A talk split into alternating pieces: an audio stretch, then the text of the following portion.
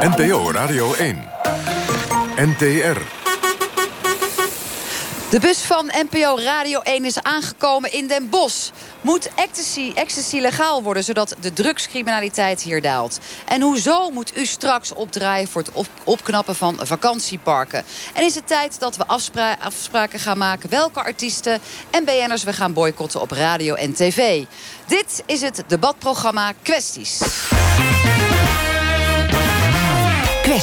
Met Marianne van den Anker.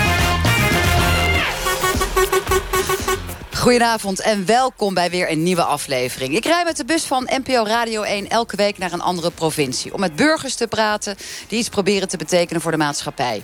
Vorige week was ik in Friesland en de week daarvoor in Groningen. Nu praat ik met het panel van Brabant. Aydin Akkaya, raadslid in Bergen op Zoom. Welkom, Mark Kleiter. Jij bent uh, mediaondernemer en uh, ook zeer politiek geïnteresseerd. Ook welkom. Wim Verbaarschot, bekend als PVV-stemmer... waar hij ook geen doekjes om wint. En uh, Ulku Oud. Hartstikke fijn, je bent ook lokaal actief... maar advocaten in uh, Veghel. Dus we hebben een zeer stevig panel... en vinden het hartstikke leuk dat jullie er zijn. Laten we de kwesties die hier in Brabant spelen er eens bijpakken. Rapper Boef. Het was de week waarin hij voor de strafrechter moest verschijnen. Want in een bizar filmpje is te zien hoe hij met maar liefst 300 km per uur hier over de Tilburgse wegen heeft gescheurd. Of althans zou scheuren. 2,5 jaar zijn rijbewijs kwijt en 7000 euro boete. Dat is wat het Openbaar Ministerie eist. Nou ja, 300 km per uur, je vraagt je af. Dan moet je in ieder geval een hele snelle wagen hebben. Dat sowieso. Het gaat over rapper Boef die wel vaker in opspraak is geraakt de afgelopen periode. Op social media heeft hij een aantal keer gezegd dat meiden gewoon kers zijn. En dat betekent hoer in het Arabisch. Nou, het is echt, ik zei het al Mark Leijten als mediaondernemer, ongelooflijk eigenlijk hoe populair rapper Boef is en blijft. Hoe kan dat? Ja, tenminste, de muziekindustrie uh, acteert altijd anders dan, uh, dan anderen. Hij heet ook rapper Boef en niet rapper Paus. dus dat betekent als hij... 300... Heilig is hij niet? Nee, heilig is hij niet. En als hij 300 kilometer uh, per uur rijdt... dan is dat voor zijn label geweldig. Want voor 7000 euro heeft hij heel veel aandacht. En ik denk dat hij gewoon berecht moet worden zoals het is. En verder het laten zitten en geen aandacht aan geven. Nou is het wel zo dat ehm, hij ook een management heeft. in dit geval Spec met Ali B als directeur... Ja, ik kan me toch ook voorstellen voor zo'n bekend iemand... dat dit negatief op hem afstraalt. Of het heeft zo'n management daar helemaal niets mee? Nou ja, de muziekindustrie... Ik heb ooit bij Universal Music gewerkt. Dat maakt echt niet zo heel veel uit. Dat label dat denkt van... nou, die 7000 euro hoef ik niet te investeren. Ze krijgen toch aandacht. Dus um, voor hem maakt het helemaal niks uit. En voor het management, ze zullen er natuurlijk wel wat van zeggen. Want het is onwenselijk, uh, onwenselijk gedrag. Maar uh, ik zie er niet echt een probleem in. Gewoon veroordelen, klaar. En dan nog even één ding. Is bekendheid gewoon bekendheid? Dan maakt het niet uit waarmee je bekend wordt? Um, dat is niet helemaal waar. Bijvoorbeeld als het uh, zangeressen zonder naam is van vroeger... dan kan ik me voorstellen dat ze er niet mee geassocieerd had willen worden ooit. Maar rapper Boef, ja, zoals ik zei, die heet geen rapper Paus. dus dat maakt hem helemaal niet uit. Dat zit gewoon, uh, hij wil gewoon uh, opvallen. En dat doet hij. Aan de telefoon hebben wij uh, Youssef El Noudri. Jij bent jongerenwerker en uh, jij zit hier in de bossen, Den Bossenwijk Hambaken. Jij bent juist aangesteld om jongeren op het rechte pad te houden. Deze rapper Boef is hartstikke populair. Hoe komt dat? Ja, hij is heel populair geworden op het Instagram en het Snapchat. Daar hangen jongeren heel veel rond. Dus ja, zodoende heeft hij toch wel veel fans te creëren. Nou, zei ik net al, uh, hij is wel vaker in opspraak geraakt. Niet alleen voor het hard rijden, wat hij dan toevallig hier heeft gedaan... Uh, in de provincie Brabant in Tilburg. Maar ook vanwege bepaalde uitspraken, vaak negatief over vrouwen. Het verheerlijken van ja. geweld, rijdt rond in snelle auto's. Spreekt dat jongeren aan? Nou, ze kijken wel naar zijn filmpjes inderdaad. Maar of ze dat ook... Ja, de ene groep wel en de andere groep zeg maar niet. Die, die, die, die weten wel uh, wat raad mee. Die kijken inderdaad omdat ze het leuk vinden en gek vinden. Maar je hebt er ook een groep mensen inderdaad die er gewoon echt uh, als voorbeeld nemen. Is er onder jouw jongeren ook een zekere populariteit voor rapper Boef?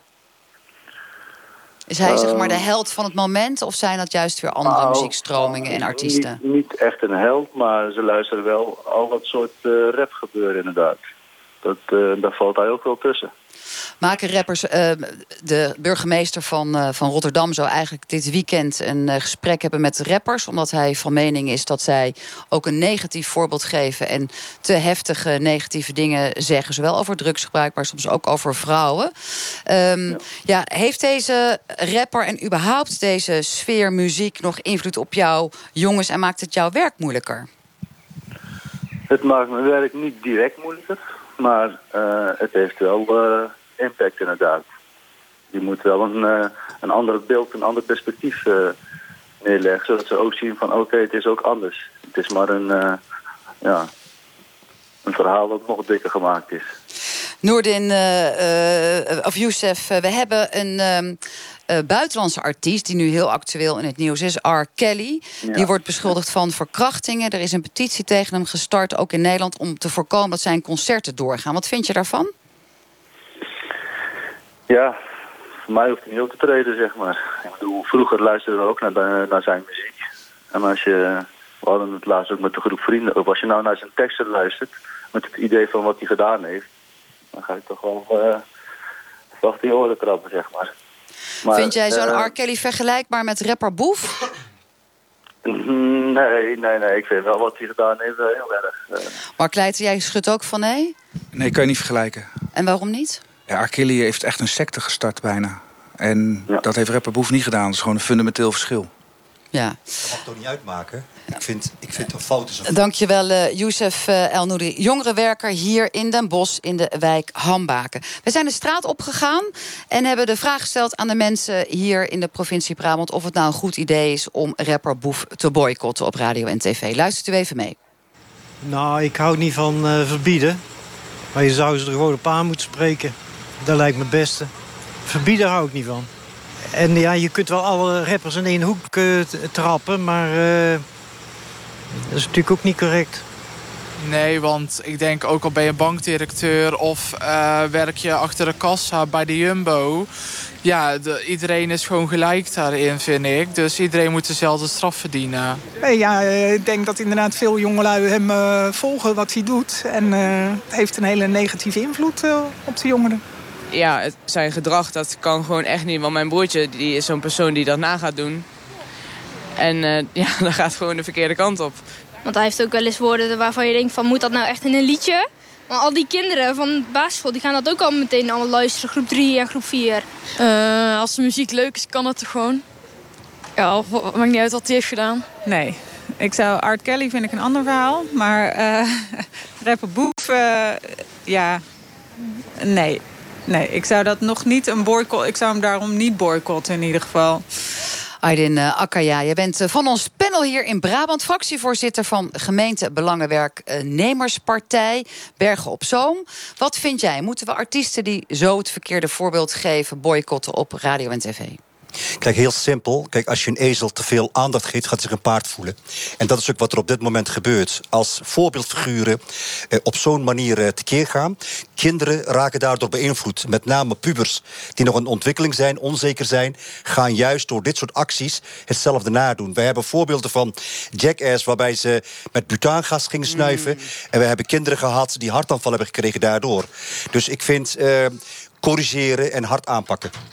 Nou, dat is een helder standpunt. Uh, kijken wat uh, de advocaten uit Veghel ervan vindt, uh, Ulko uit. Wat vind jij? Nou, ik vind daar, ik zeg, hij heeft nooit geclaimd dat hij een voorbeeld wil zijn. Of dat hij zich keurig netjes wil gaan handelen. Hij, het boef, het past gewoon bij zijn plaatje.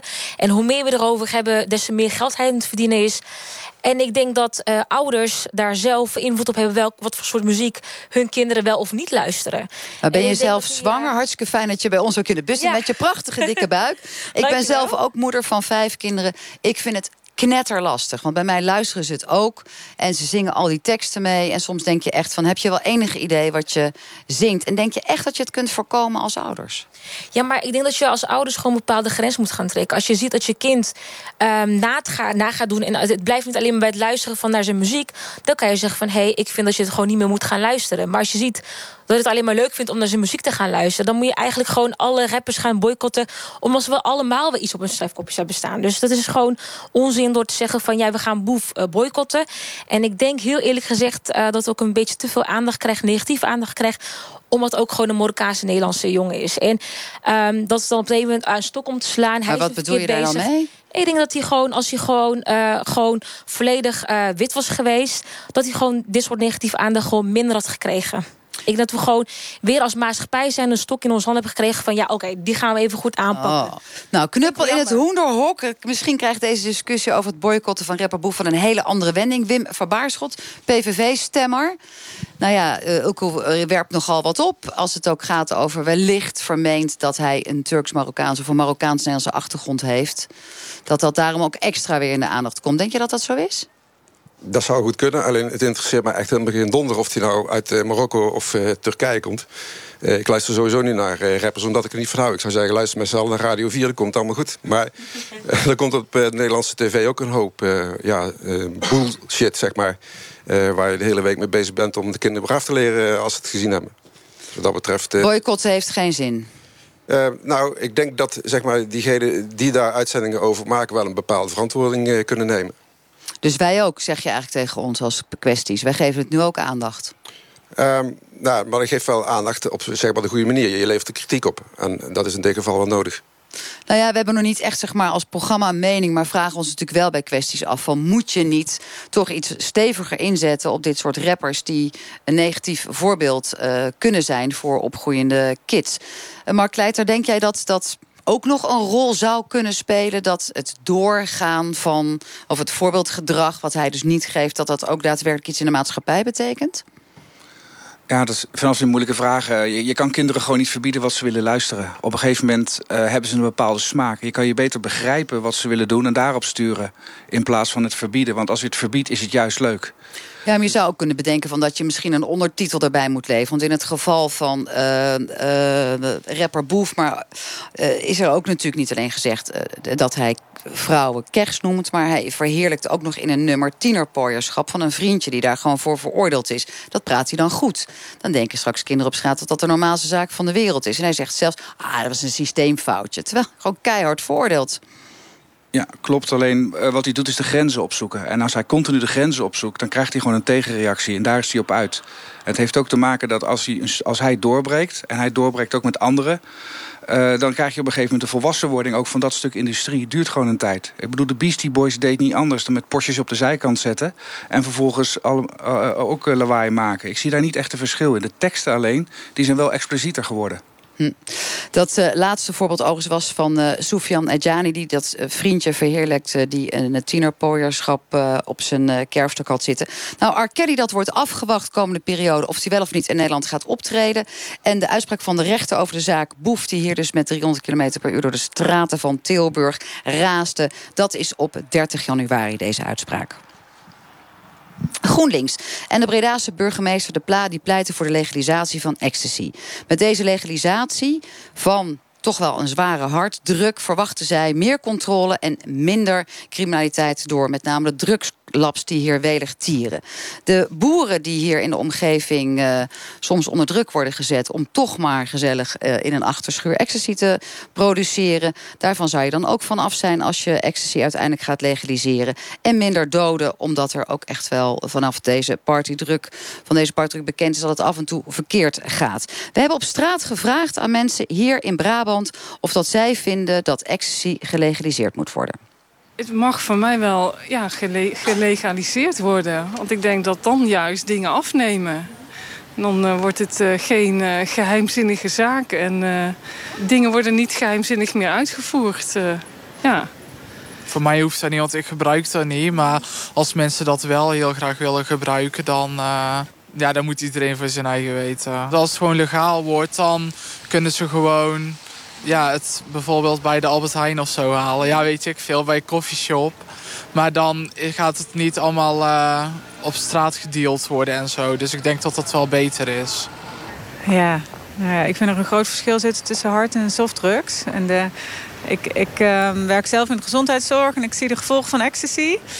Dus dan denk ik van, voor mij geen haar op mijn hoofd die denkt dat we dat moeten gaan legaliseren. Vanwege de ernstige gevolgen die uh, ecstasy heeft. Oneens omdat het gewoon troep is. Het is gewoon niet gezond. Ik bedoel, waarom zouden we... Hè? De sigaretten gaan ook omhoog. Waarom zouden we dan iets zoals ecstasy... waar mensen echt dood aan kunnen gaan... waarom zouden we dat legaliseren? Ja, dat is de enige manier om er vanaf te komen van eh, de illegale handel, denk ik. Ik zou het anders niet weten, want eh, eh, zoals het nu is, gaat het ook gewoon door. Dus. Ja, daar is wel controle over. Hetzelfde als uh, medicinale wiet. Nou ja, als mensen daar uh, behoefte aan hebben, ja, waarom niet? Plus, je betaalt er extra belasting over. Ja, want er wordt een aanheffing op, opgezet. Of je betaalt overal belasting over, dus ja, waarom niet? Mark Leijter, jij was vorige week bij ons aan de, de telefoon. Toen kondigde jij al aan dat je een warm pleidooi vanavond zou houden... voor het daadwerkelijk legaliseren van ecstasy. Gaat dat lukken? voorlopig nog niet. Want uh, dat zal nog wel even duren. Alleen als ecstasy continu in de illegaliteit houden... Uh, dan heb je inderdaad die problemen die Brabant heeft. En nu zie je dat het alleen maar een veiligheidsprobleem is... en dat het een gezondheidsprobleem wordt. En dat wordt ook altijd gezegd. Maar ja, alcohol is ook een probleem. En suiker is ook een probleem. En auto's is ook een probleem. En ecstasy neemt zulke grote vormen aan. En dan heb ik het over het maken ervan in Nederland.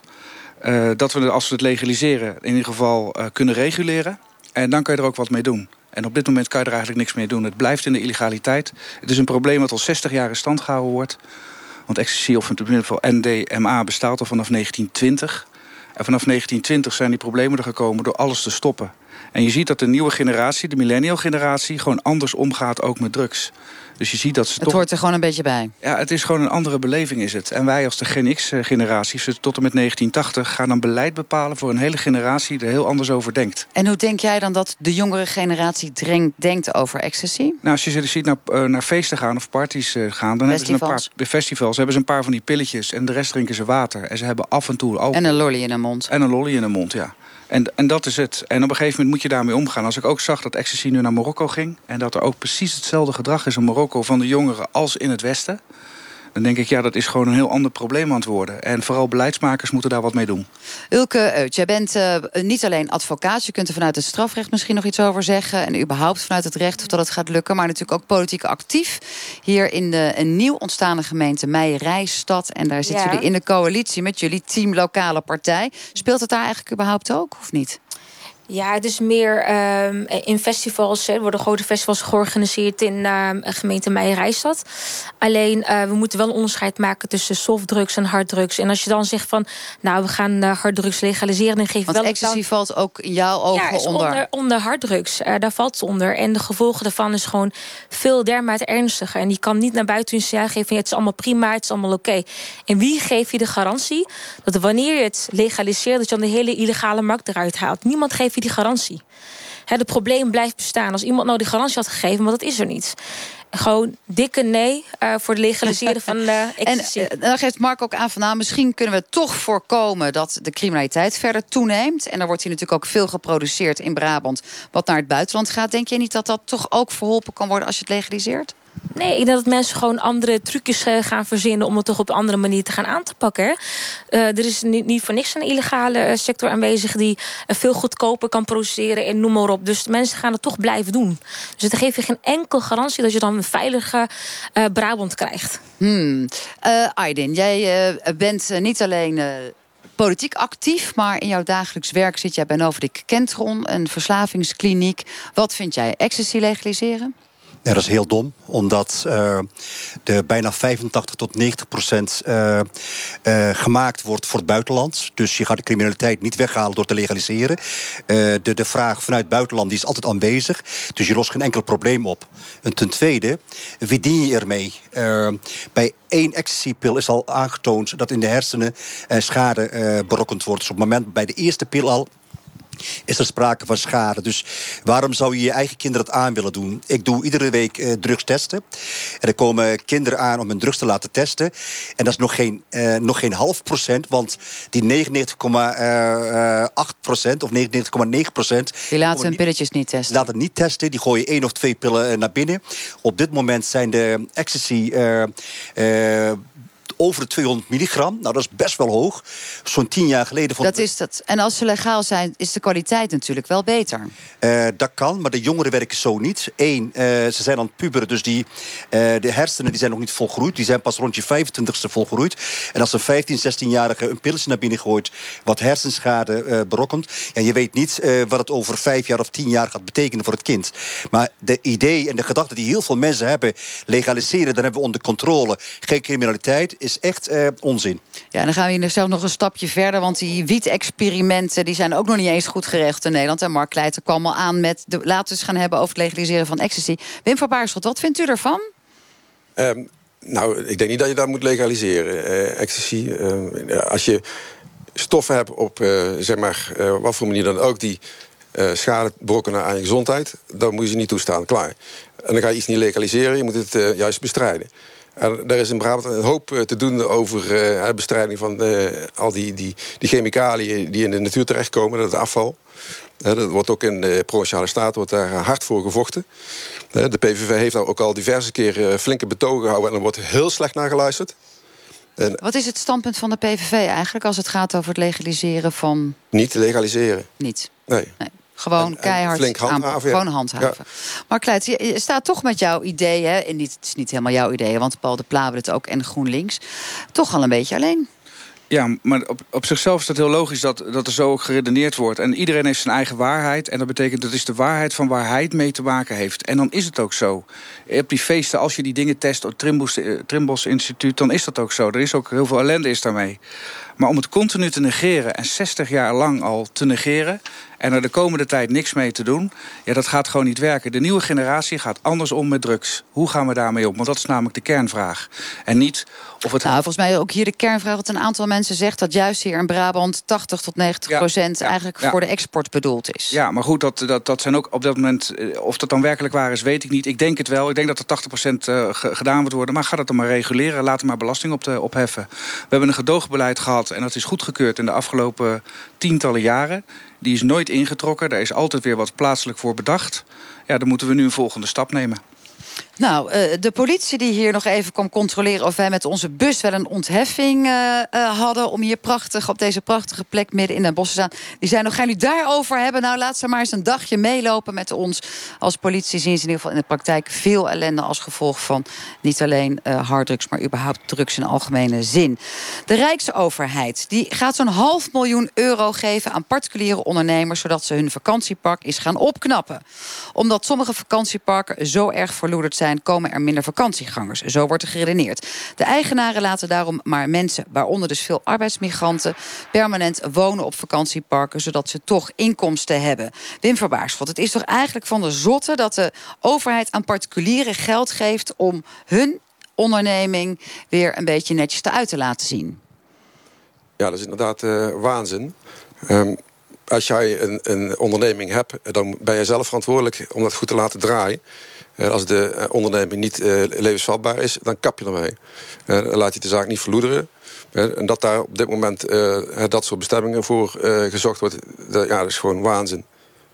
Nou, hier in Brabant zijn ook best wel veel vakantieparken die er verloederd uitzien. Waar ook veel arbeidsmigranten in zitten. Waar mensen permanent mogen wonen.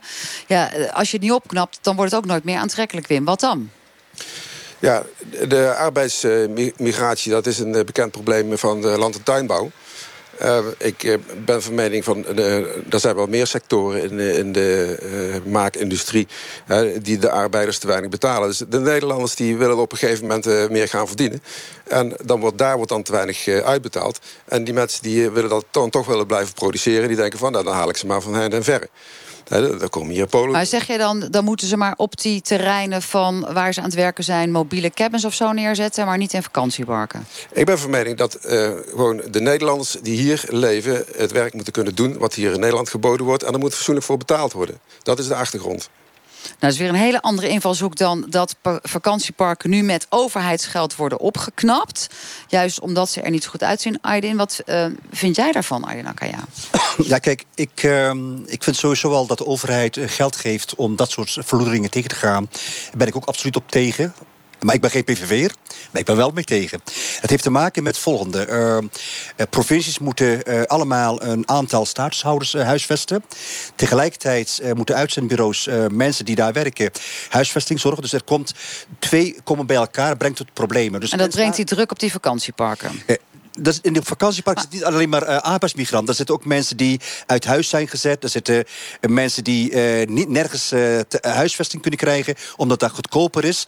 En de persoon, de ondernemer, ja, die denkt... ja, dan heb ik wel huur. En daardoor krijg je dus dat soort ontwikkelingen... waarbij arbeidsmigranten, soms junks... soms mensen die op straat zijn, goed, echtscheidingen... en al dat soort mensen. En mensen die het hele jaar daar wonen. dat hebben we namelijk ook in Bergen op Zoom gezien. En vandaar dat ik er ook heel makkelijk en heel snel over praat. Dus er zijn meerdere problemen aan de hand alleen maar die arbeidsmigranten. Dus de gemeente moet de verantwoordelijkheid nemen om ze te huisvesten. Nou, zit er natuurlijk ook, wat volgens mij is ook vaak het probleem dat dan veel van dat met name Poolse uh, arbeidsmigranten op die parken zitten. En dat natuurlijk vaak de samenleving zegt: ja, ik heb geen zin om daarnaast te wonen. Dus die laten ze ook lekker op die vakantieparken zitten. Uh, dat is te begrijpen. Uh, we hebben in Bergen op Zoom bijvoorbeeld een joblodge gehuisvest. En toen hadden ze ook van: oh, er wordt problemen met al die mensen en zo. En we hebben in de laatste vijf jaar hebben we maar twee klachten gehad waarvan we niet zeker weten of het daardoor kwam. Dus het valt uiteindelijk wel reuze mee. Maar het moet wel georganiseerd worden. En de uitzendbranche hebben daar ook een verantwoordelijkheid. En op dit moment uh, wordt heel erg makkelijk op de gemeente gegooid. Maar ook de uitzendbureaus, uh, die uh, de medewerkers halen... hebben ook een verantwoordelijkheid om iets te organiseren. Ja, iedereen heeft een verantwoordelijkheid. Het gaat vaak pas rollen als er klachten zijn. Welke klachten waren er in het geval van Berg op Zoom? Ja, er waren maar één of twee klachten in vijf jaar. En waar gingen die dan over? Nergens over. Het ging nergens over, oké. Okay. Uh, nou, in ieder geval, een half miljoen lijkt nog niet zoveel. Hè? Uh, maar toch is het wel de Rijksoverheid die zegt... joh, ondernemers van vakantieparken... knap het op met ons publieke geld... want dat is beter voor iedereen. Wat vind jij daarvan, Ulko Eut? Um, ik vind het wel goed. Uh, dat het gebeurt. Want uh, de reden waarom mensen dus daar zitten... is er arbeidsmigranten of in het kader van echtscheiding... omdat er in opvanghuizen geen plek meer eh, is voor die mensen... voor die vrouwen met de minderjarige kinderen... dan moet je als overheid zijn iets gaan doen. En als daar dan uh, vakantiehuizen leeg staan... En, die, en daar kunnen ze geplaatst worden, waarom niet? En ik denk dat het niet alleen zozeer een probleem is van de overheid... maar dan moet in samenspraak met de stakeholders... met een uitzendbranche, met maatschappelijke hulporganisaties... Ja, daar gaan we allemaal, allemaal natuurlijk weer mooie holistische schilder omheen maar, maar feit is, het zijn ondernemers die daarvoor gekozen hebben... en zelf een eigen verantwoordelijkheid hebben om een business en een broek op te houden. Ja, maar het is een wisselwerking. krijgen geld. Het is een wisselwerking. Het is voor beide eigenlijk win-win. Want enerzijds voldoet de overheid uh, hè, uh, wat die moet doen...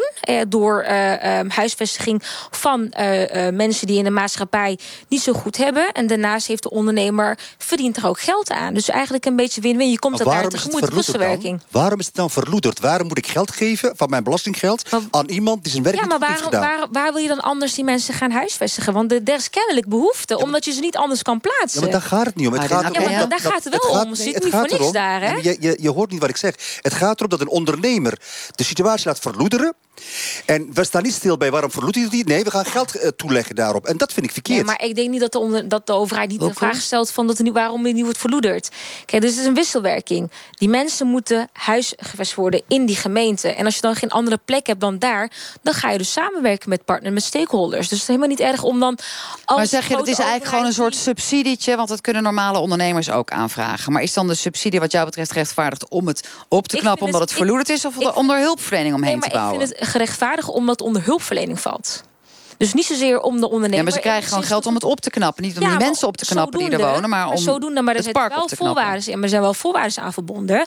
Door huisvesting van arbeidsmigranten. Door huisvesting van, in het kader van echtscheiding. Dat de vrouwen daar kunnen gaan zitten. Dus het is niet dat dan die ondernemer weer vrijblijvend... aan iedereen gewoon een vakantieparkje mag gaan verhuren. Voor recreatie. Dat is het niet. Het gaat wordt het een soort mensen... woningcorporatie. Dan nee, krijgen maar, we weer heel wat anders. Nee, precies, of particuliere is... verhuur. Mark ja. Leijten, nou zitten er ook best wel, weten we... Een, uh, wat mensen op die vakantieparken parken die illegaal in Nederland verblijven. Wat moeten we daarmee doen? Ja, het is eigenlijk heel makkelijk, uh, dit, dit, probleem. De overheid heeft gewoon niets gedaan eigenlijk aan die huizen... aan vakantiewoningen in de afgelopen 60 jaar. Er is gewoon geen beleid op geweest. En nu zitten ze met de gebakken peren. We hebben 4% groei gepland per jaar.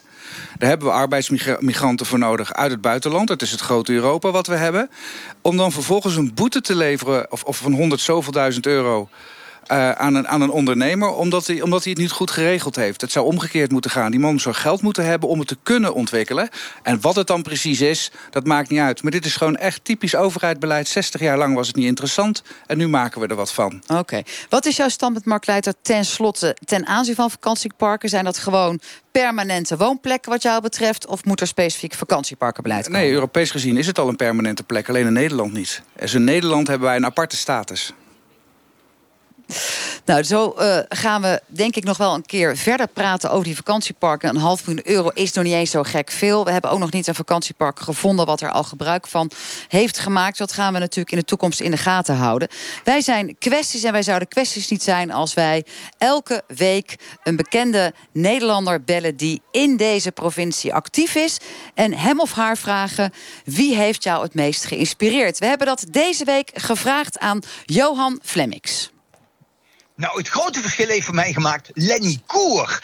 En je zult denken, waarom Lenny Koer? Lenny Koer woonde bij mij precies om de hoek. En ik was als klein kind, was ik altijd door de brievenbus aan het gluren. Want zij stond altijd te spelen met de gitaar voor de, voor de spiegel. En was ze altijd aan het zingen. Later heeft ze ook nog het Songfestival gedaan. Zij heeft mij geïnspireerd. Ik wil dit ook. Ik, ik wil ook zanger worden. Ik denk dat Lenny ongelooflijk veel voor Brabant betekend heeft en nog steeds betekent. Het was een echte Brabantse, maar ze heeft natuurlijk het Songfestival echt op de kaart gezet voor Nederland. De winnares natuurlijk van De Troubadour. Ja, dat was natuurlijk een liedje wat toen de tijd ook werkelijk iedereen zong in Brabant. En door Lenny Koer ben ik gaan zingen en uiteindelijk heb ik zelfs een keer een nummer 1 hit gescoord. Zonder dat ik het echte de kwaliteiten van de zanger heb.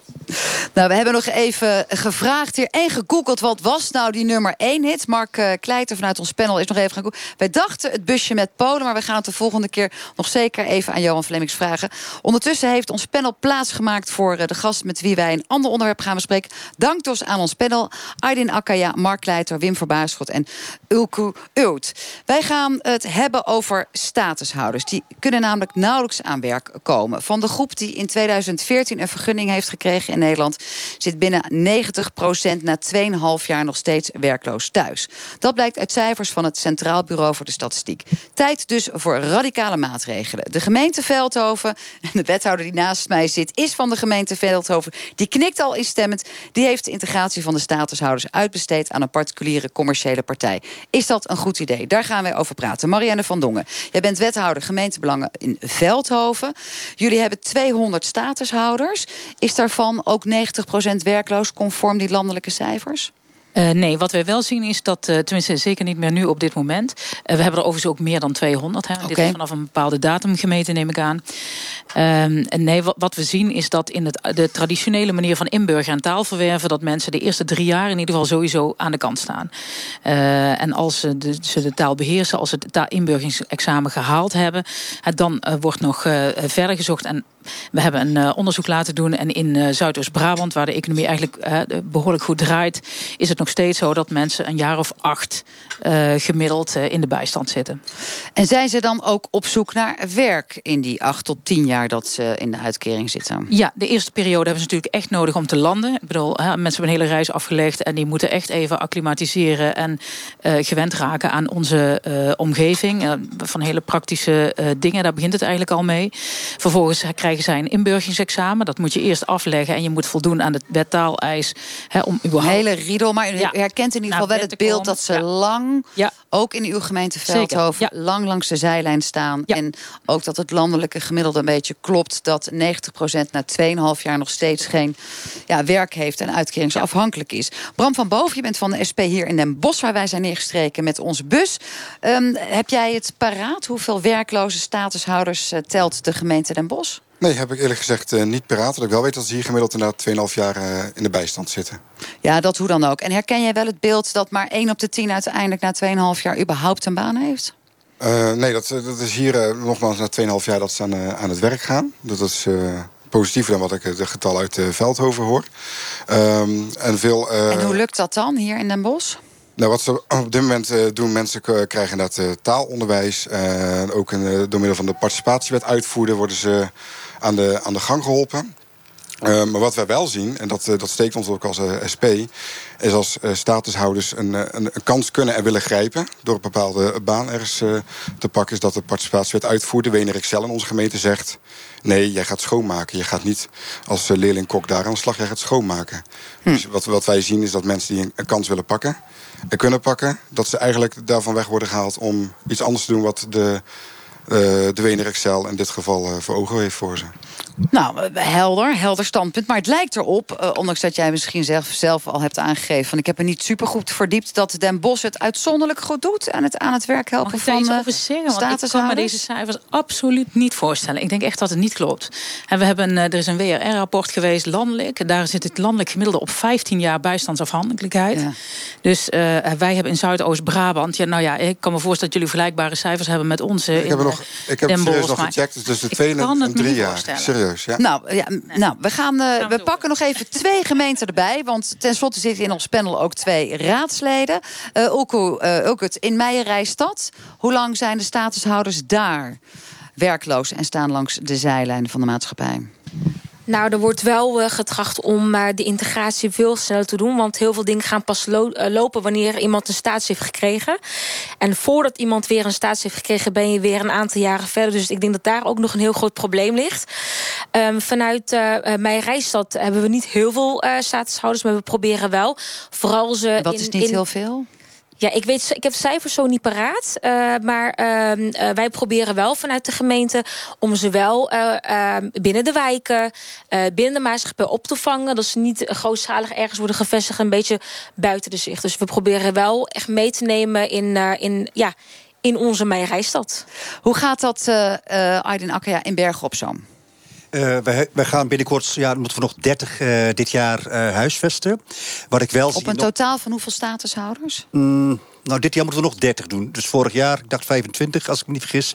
En dat is verdeeld onder de provincie. wat ik zie is dat in de omgeving bij vrijwilligerszaken statushouders worden betrokken. Maar dat is, dat is meer initiatief van de personen die daar vrijwilligerswerk doen. Er zijn ook mensen die universitair afgestudeerd zijn. Dus het zijn niet uh, zomaar van, uh, we komen hier aan... we hebben geen, uh, net als mijn ouders, geen, ja, ze kunnen niet lezen en schrijven. Dit zijn mensen die... Nou, dat rapport, dan hebben jullie misschien mazzel... want het rapport van het CBS geeft wel heel erg nadrukkelijk aan... dat de meeste statushouders ongeschoold zijn binnengekomen. Nou, ik heb nog al... een puntje voor het vorige kabinet... die ons allemaal heeft verteld dat er artsen en hoogopgeleide... Nou, universitair afgeschoolde mensen al, binnen zouden komen. Ik heb er al een paar universitair gescholden gezien... en ze waren zo blij dat ze vrijwilligerswerk mochten doen. Omdat ze daarmee ook onder de Nederlandse mensen konden zijn. En daardoor ook sneller de taal op konden pakken. Dus ze waren met, met man en vrouw samen. Waren ze gewoon thee en koffie aan het verspreiden. Vrijwilligerswerk. Maar daardoor kunnen ze wat sneller integreren. Zeg maar. Het klinkt alsof dat Berg op Zoom de formule te pakken heeft. Of het in Mei Rijstad goed gaat. En in Den Bosch. Maar dan in Veldhoven, Marianne. Gaat het helemaal niet zo goed. En zitten jullie gewoon op het landelijk beeld. 1 op de 10 staat aan de zijlijn. En is lang uitkeringsafhankelijk. Waarom hebben jullie er nu voor gekozen om zelf niet lang de staatshouders te begeleiden... maar dat aan uh, IMNL, waar we zo direct uh, kennis mee zullen gaan maken, te geven? Nou, wat we eigenlijk uh, zien is dat als je de traditionele manier van inburgering doet... dan moet een statushouder zelf kiezen welke opleidingsinstituut hij of zij kiest... om daar de taal te gaan leren. En gemiddeld zitten mensen dan één of twee dagdelen per week op een cursus... en voor de rest verblijven zij thuis. Ze hebben dan nog geen werkvergunning en kunnen ook niet werken. Dus inderdaad, vrijwilligerswerk, je zegt het terecht... is dan in ieder geval een mogelijkheid dat ze nog onder de mensen zijn. En wat wij eigenlijk heel graag willen is dat dat talen veel sneller is. Omdat dat gewoon zo belangrijk is voor de integratie. En wij denken dat ook bijna niets beter reïntegreert dan wanneer, of integreert dan wanneer je werkt. Um, maar in nou, principe hebben jullie een klassieke overheidstaak. Ja neergelegd bij een social impact bond. Ja, wat we gedaan hebben is, uh, wij hebben eigenlijk vanuit het Rijk krijgen we ontzettend weinig mens, uh, geld voor reïntegratie. We hebben gewoon te weinig geld om echt een intensief traject in te kopen voor de statushouders. Die zijn de afgelopen jaren natuurlijk toch in wat grotere aantallen bij ons terechtgekomen. Wij zijn in gesprek gegaan met een financier, Social Impact Finance in Den Haag, om te kijken of zij bereid waren om dit een, een traject te financieren. Zij zijn op zoek gegaan naar een aanpak die succesvol zou kunnen zijn en waarmee ze dus ook de investering terug zouden kunnen verdienen. En zo zijn ze uitgekomen bij uh, Ineke Hurkmans. En zij heeft een aanpak bedacht via IMNL. En die is uitermate succesvol. Ja, ja uitermate succesvol. Ineke Hurkmans, je bent al aangekondigd. IMNL, de eerste Social Impact Bond in Nederland op dit terrein. Veel gemeenten zijn aan het kijken en willen wellicht ook als het in Veldhoven succesvol is dit opvolgen. Maar eerst maar even voordat we het gaan hebben over het succes. Wat is het precies voor mensen die niet begrijpen? Social Impact Bond en een SIF. En we nemen een investering over. Hoe zit, het in, hoe zit het in elkaar? Ja, wij zijn eigenlijk een bedrijf dat statushouders helpt om mee te doen in Nederland. En in onze optiek is meedoen inburgeren, dus de taal leren en je examen halen en werken. Want uh, wat Marianne zei, werk is eigenlijk de beste manier van integreren. Uh, nou, het CBS-rapport is ontluisterend. Hè? Dat gewoon na zoveel jaar nog steeds ja, uh, 90 jaar. niet werkt. Het na 8 tot 10 jaar. 8 tot 10 jaar kosten voor, voor onze belastinggeld. Hè? Uh, blijven mensen thuis. En we hebben een aanpak bedacht waarin wij zeggen... Nog, mag ik nog jou een vraag stellen? Zijn, want die gemeenten die hebben het de afgelopen ja. jaren allemaal geprobeerd. Er is in gemeenteraden over gesproken. Allemaal ja. ideeën bedacht. Zijn gemeenten gewoon zo slecht in staat geweest, eigenlijk rapportcijfer min 3 ongeveer, wat u betreft? Nee, ik denk dat uh, participatiewet handhaven, dat is het werk van de gemeente. Dat doen ze supergoed. He, dat is echt het werk, de, de core business van een uh, sociaal domein van een gemeente. De, het handhaven van die wet, dat is echt hun bedoeling. Een van de problemen is juist dat we de inburgering niet meer mogen doen. In het verleden was ja. het wel zo, maar dat is juist Precies. bij de gemeente weggehaald. Dat is het probleem. Ja, dus, dus het is ook klem, hè? Een gemeente zit daarin ook klem. Want het is echt impopulair om een participatiewet te handhaven. Als je dan boetes moet uitdelen van mensen die niet komen op de afspraken en dat soort dingen. Dat zijn maatregelen die men, die men moet nemen. En de ene of de andere gemeente probeert nog wel eens met wat vrijwilligerswerk hè, mensen te enthousiasmeren en te inspireren. En sociaal-maatschappelijk is denk ik op heel veel plaatsen in Nederland heel veel betrokkenheid van Nederlanders met statushouders. Gewoon als buren. En dat is heel en, fijn. En toen dacht u, wij zijn een bedrijf. Wij kunnen dat ja. beter. Uh, u heeft een investeringsplan gemaakt. Ja. U hebt gezegd uh, als wethouder, nou, daar hebben wij ook wel wat geld voor over. En wat we hebben begrepen is dat de deal is als volgt. U krijgt uh, zes jaar lang de uitkering van de statushouder. Van een aantal mensen. Er zitten ja, aftoppingen op. Ja, een ja, aftopping op. Maar als het u lukt om daadwerkelijk mensen in twee jaar aan die baan te nee. Het is anders. We moeten, wij hebben de afspraak dat we binnen 12 tot 14 maanden minimaal 35% van onze deelnemergroep aan het werk hebben en ze twee jaar uit de bijstand houden. En dan pas komt daar een, een, uh, een beloning, duurzaamheidsbeloning op. En in die tijd, in die twee jaar. Maar nog even om het precies te hebben qua aantallen. Dat is ja. toch wel iets met zes jaar een uitkering? Nee, voor een aantal mensen is dat zes jaar een uitkering, maar lang niet voor iedereen. Want wij hebben inmiddels de 22 gepasseerd, wat eigenlijk onze target is voor die groep. Maar we zitten nu op 28. Dus wij gaan veel meer mensen uit de uitkering helpen. Dan en daar hoeft Marianne niet voor te betalen, nee, zegt u. zij betaalt er alleen de daadwerkelijke besparing gedurende de, die twee jaar. En dat is ook reëel. Wij nemen ook het financiële risico aan de voorkant. Want stel je voor dat we het niet waarmaken, dan komt de bank bij mij aankloppen en niet bij de gemeente. Hebt de gemeente u nou, pas als er succes is. Marianne van Donken, de makkelijke mensen naar uh, IMNL gestuurd met een korte afstand tot de arbeidsmarkt of ook lekker moeilijke gevallen? Kortom, hoe worden ze geselecteerd? uh, eigenlijk zijn er maar een paar criteria. Iemand moet 28 uur kunnen werken, want wij rekenen hen af op volledige uitstroom uit de bijstand. Dus geen deeltijdbaan, dat moet volledige uitstroom zijn. Dus minimaal 28 uur moet je dan kunnen werken als het gaat over minimumloon. Dus dat was een belangrijk criterium. Mensen moesten geen hele zware psychische problemen hebben, uh, omdat ze dan ook gewoon niet aan werk toekomen. Dus dat is een belangrijk criterium. en verder eigenlijk... Niet analfabeet in eigen taal. Nee. Want dan kun je niet in een, binnen een jaar een taal leren. Maar dit klinkt toch wel als dat de makkelijke klanten door u worden opgepakt. De moeilijke mensen moet u nog steeds zelf doen. Nee. Uh, nou... Ik denk dat wij driekwart van de groep hebben. En daar zitten mensen bij die in Eritrea op de tractor op de boerderij reden. Die daar nauwelijks school hebben gehad. Maar net voldoende om te lezen. Nee, we hebben denk ik maar een paar. Van de 64 mensen die zijn begonnen... hebben wij misschien zes, zeven mensen die een hogere opleiding hebben gehad. Betekent het nou dat ze uh, met de, zeg maar, de deal en de constructie in Veldhoofd... met die Social Impact Bond... niet zelf meer vrij zijn om te mogen kiezen... hoe ze een inburgering willen vormgeven... zoals dat in ieder geval wel bij de wet bepaald is, Marianne van Dongen? Ja, je kunt, eh, bij de wet is bepaald dat je de inburgering kunt kiezen. Bij de wet is ook bepaald dat wij wel reïntegratievoorzieningen of integratievoorzieningen mogen opleggen. En, en, zo zien wij dit. Wij zeggen, dit, is niet, dit gaat niet alleen over inburgering, dit gaat over begeleiding naar werk. En omdat het een integratievoorziening is, eh, mogen wij die verplichtend opleggen. Ja.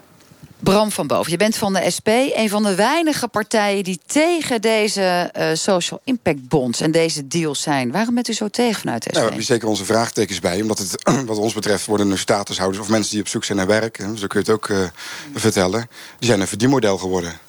En het, wat, wat zij al terecht aangeven, mensen zijn eh, niet goed ingeburgerd. Nou, dat komt inderdaad omdat uh, jarenlang hè, was de markt was, was heilig. De markt gaat het doen. Nou, de markt heeft het niet gedaan. Um, dus wij zijn ervoor dat het gewoon weer terug naar de overheid gaat. Dus echt maar de markt heeft het niet gedaan. We hadden toch volgens mij in Nederland te maken met heel veel fraude bij reïntegratiebureaus. Ja, daarom, en, dat bedoel ik. en Dat heeft de marktwerking in, in, de hand gespeeld.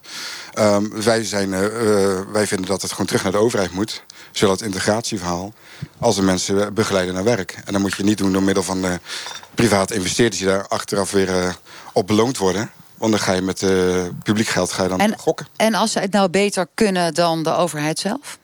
Als blijkt dat dit project echt. Want waar ik me vraagtekens op heb, hoe duurzaam zijn de contracten die de mensen nu krijgen? Want ik heb begrepen dat ze na 25 hebben een baan. Wat voor contracten zijn dat? Zijn het uitzendcontracten? Ja. Want als je nou, kom maar door, Ineke. Geef maar als, antwoord. Als die investeerders na twee jaar beloond worden... Ja, na twee jaar moet je geregeld ook een vast contract krijgen. En als die mensen dan aan de kant worden geschoven... maar de investeerders krijgen wel een bonus... ja, dan is het weggegooid geld. Nou, in Nederland is het zo dat iedereen die een baan krijgt... gewoon een contract krijgt van zeven maanden. Dat is vrij normaal. Dat is niet uh, uitzonderlijk. Wij waken heel erg over nulurencontracten. Want dat vind ik eigenlijk een risico voor de medewerker. En dat is een voordeeltje voor een werkgever die op zeker wil spelen. En ja, ik maak gewoon mee dat, ik, uh, dat een werkgever zegt... Uh, ik bied een nulurencontract. En dan zeg ik in naam van de, onze medewerker... nou, dan gaan wij op zoek naar een andere baan. En dat is, daar is een medewerker of een werkgever soms wel verbaasd over. Die zegt, ja, maar hoezo? Wil die gast niet werken dan of zo? Ik zei, ja, die wil juist werken, maar die wil werken op een plek waar hij kan groeien. En dit is alleen maar heel kwetsbaar. En dit maakt dat hij gewoon uh, niet uh, ontspannen in het werk kan zijn. Dus ook nadelig voor jou. Dus er is werk genoeg. Wij kunnen gewoon door naar een volgende baan. Ik denk dat driekwart van onze mensen in een niet-uitzendcontract zit. En we hebben soms te maken, hè, voorbeeldje, vijf mensen werken bij Philips, Healthcare en Best. Daar zijn we via de directeur zelf binnengekomen. Die heeft ons benaderd en daar zijn wij uh, naartoe gegaan. En hij zegt, ik moet de mensen de eerste twee contracten doen... via het uitzendbureau, via het construct wat zij hebben met Randstad. En daarna neem ik ze over. En dat is eigenlijk wat we heel vaak zien. Als er een uitzendcontract is... Geldt ook voor een paar jongens die nu bij Renes in de logistiek werken.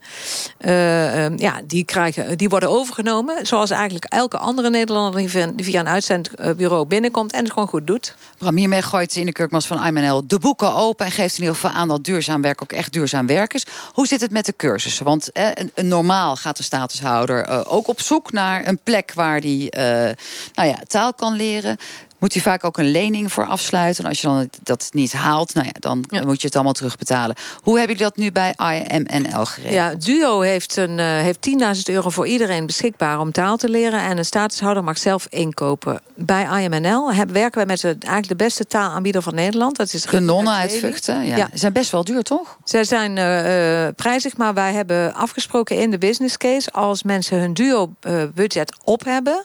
dan zou je doorgaans moeten stoppen met taal. Dan heb je echt een probleem. Want dan moet je die 10.000 euro terugbetalen. Als je binnen de deadline niet inburgert. Wij hebben gezegd, wij gaan dat resterende bedrag wat nodig is om in te burgeren... in de business case meerekenen.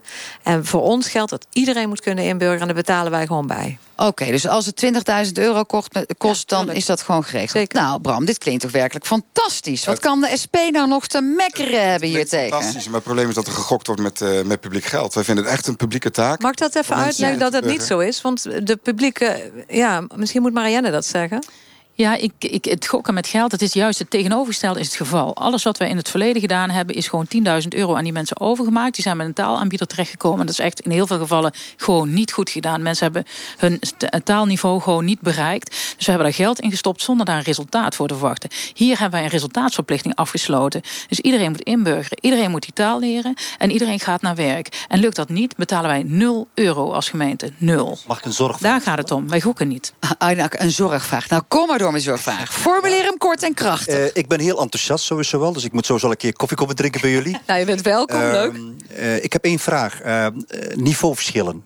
Ja. Stel dat iemand het niveau niet heeft, ja. maar wel wil. Ja. Dus wel gemotiveerd. En dan? Nou, dan gaan we kijken naar waar het past. Hè. In de taal hebben wij werken met hele kleine groepjes. Dus drie, vier, maximaal vijf mensen per groep. Zodat we niveaus op taal kunnen afstemmen. Dat is ook uitzonderlijk. Want in de, door, ja, de doorsnee taalschool zitten mensen met 10 tot 15, soms wel 20 mensen in een, in een groep. En dan kunnen ze ook bijna niet oefenen met spreken. Mensen zijn bij ons 40 uur per week aanwezig. Dat wil zeggen van 9 tot 5 in de ochtenden is altijd uh, geregeld dat we taal doen. Dus Mensen hebben effectief 20 uur de tijd om met een docent en in eigen studie, dat, dat wisselt zich af, om aan de taal te werken. En, u heeft over heel veel tijd insteek. Ik vraag over, ik heb het over het niveau. Ja. Kijk, dat u Volgens mij zegt zij dat het kan en dat er maatwerk wordt geleefd. Marianne van Dongen, hoe zorg je dat je als gemeente uh, toezicht houdt op deze constructie? Wij houden toezicht, nou ja, sowieso door heel dichtbij te blijven. Onze klantmanagers blijven ook gewoon uh, betrokken. Zij het wat meer op afstand. Hè. Wij moeten nog steeds, hè, voor diegenen die nog een uitkering hebben... en in een eerste jaar zitten, hè, de, daar de handhaving op doen. Maar we hebben gewoon heel veel contact. Uh, we kijken de, hoe het loopt en we horen gewoon de verhalen terug van de mensen. En als het ja, als je ziet wat het resultaat is, dat er nu 28 mensen naar werk zijn, dat is echt fantastisch. 28 mensen naar werk. En hoeveel van de 200 die er op de lijst staan, gaan er binnen twee jaar, wat u betreft, Ineke Hurkmans, aan werk geholpen ja, zijn? 50 zeker. 50 zeker. Nou, dat zijn in ieder geval belangrijke resultaten.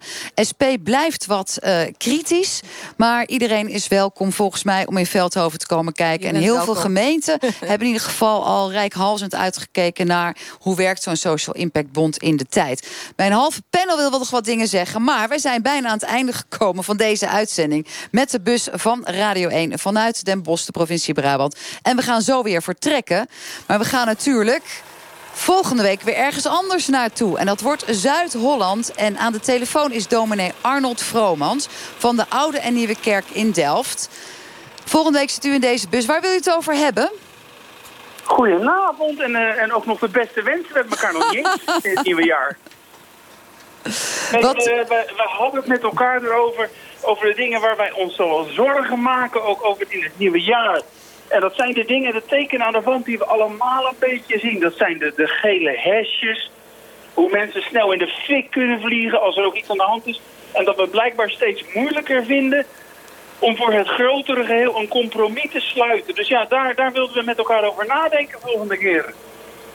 En is er nog iets specifieks wat speelt ofwel bij u in Delft... ofwel in Zuid-Holland, nog los van deze algemene zaken? Nou, ik zou zeggen dat ik dat dus op heel veel terreinen ook heel specifiek tegenkom. Ook in, in mijn eigen werk heel specifiek, maar ook in de stad Delft heel specifiek. Dus ja, dat, dat is heel wisselend. Dus uh, rondom armoede, rondom mensen die zich wat meer aan de kant voelen staan... Uh, mensen die sociaal achtergesteld voelen, waarbij het niet eens zozeer is of dat nou ook echt zo is, maar dat is meer een gevolg van ervaring. Ja, en hoe, hoe, heb jij een idee hoe we mensen hun ervaring, hoe je dat nou kan veranderen en sturen? Dat is zo verdraaid moeilijk. Ja, wat uh, volgens ja. mij ook verdraaid moeilijk is, uh, dominee is om mensen weer in het nieuwe jaar in de kerk te lokken. Ik heb begrepen dat ze massaal leegstromen. Hoe is dat bij u in Delft?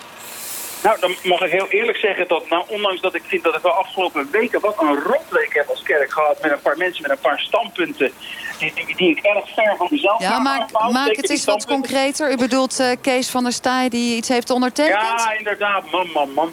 Maar als, als ik, de, ik, ik Hebt u hem dat ook laten weten? Want we hebben natuurlijk net gezien dat Claudia de Brij recent uh, de vriendschap heeft opgezegd ja. met Kees van der Staaij.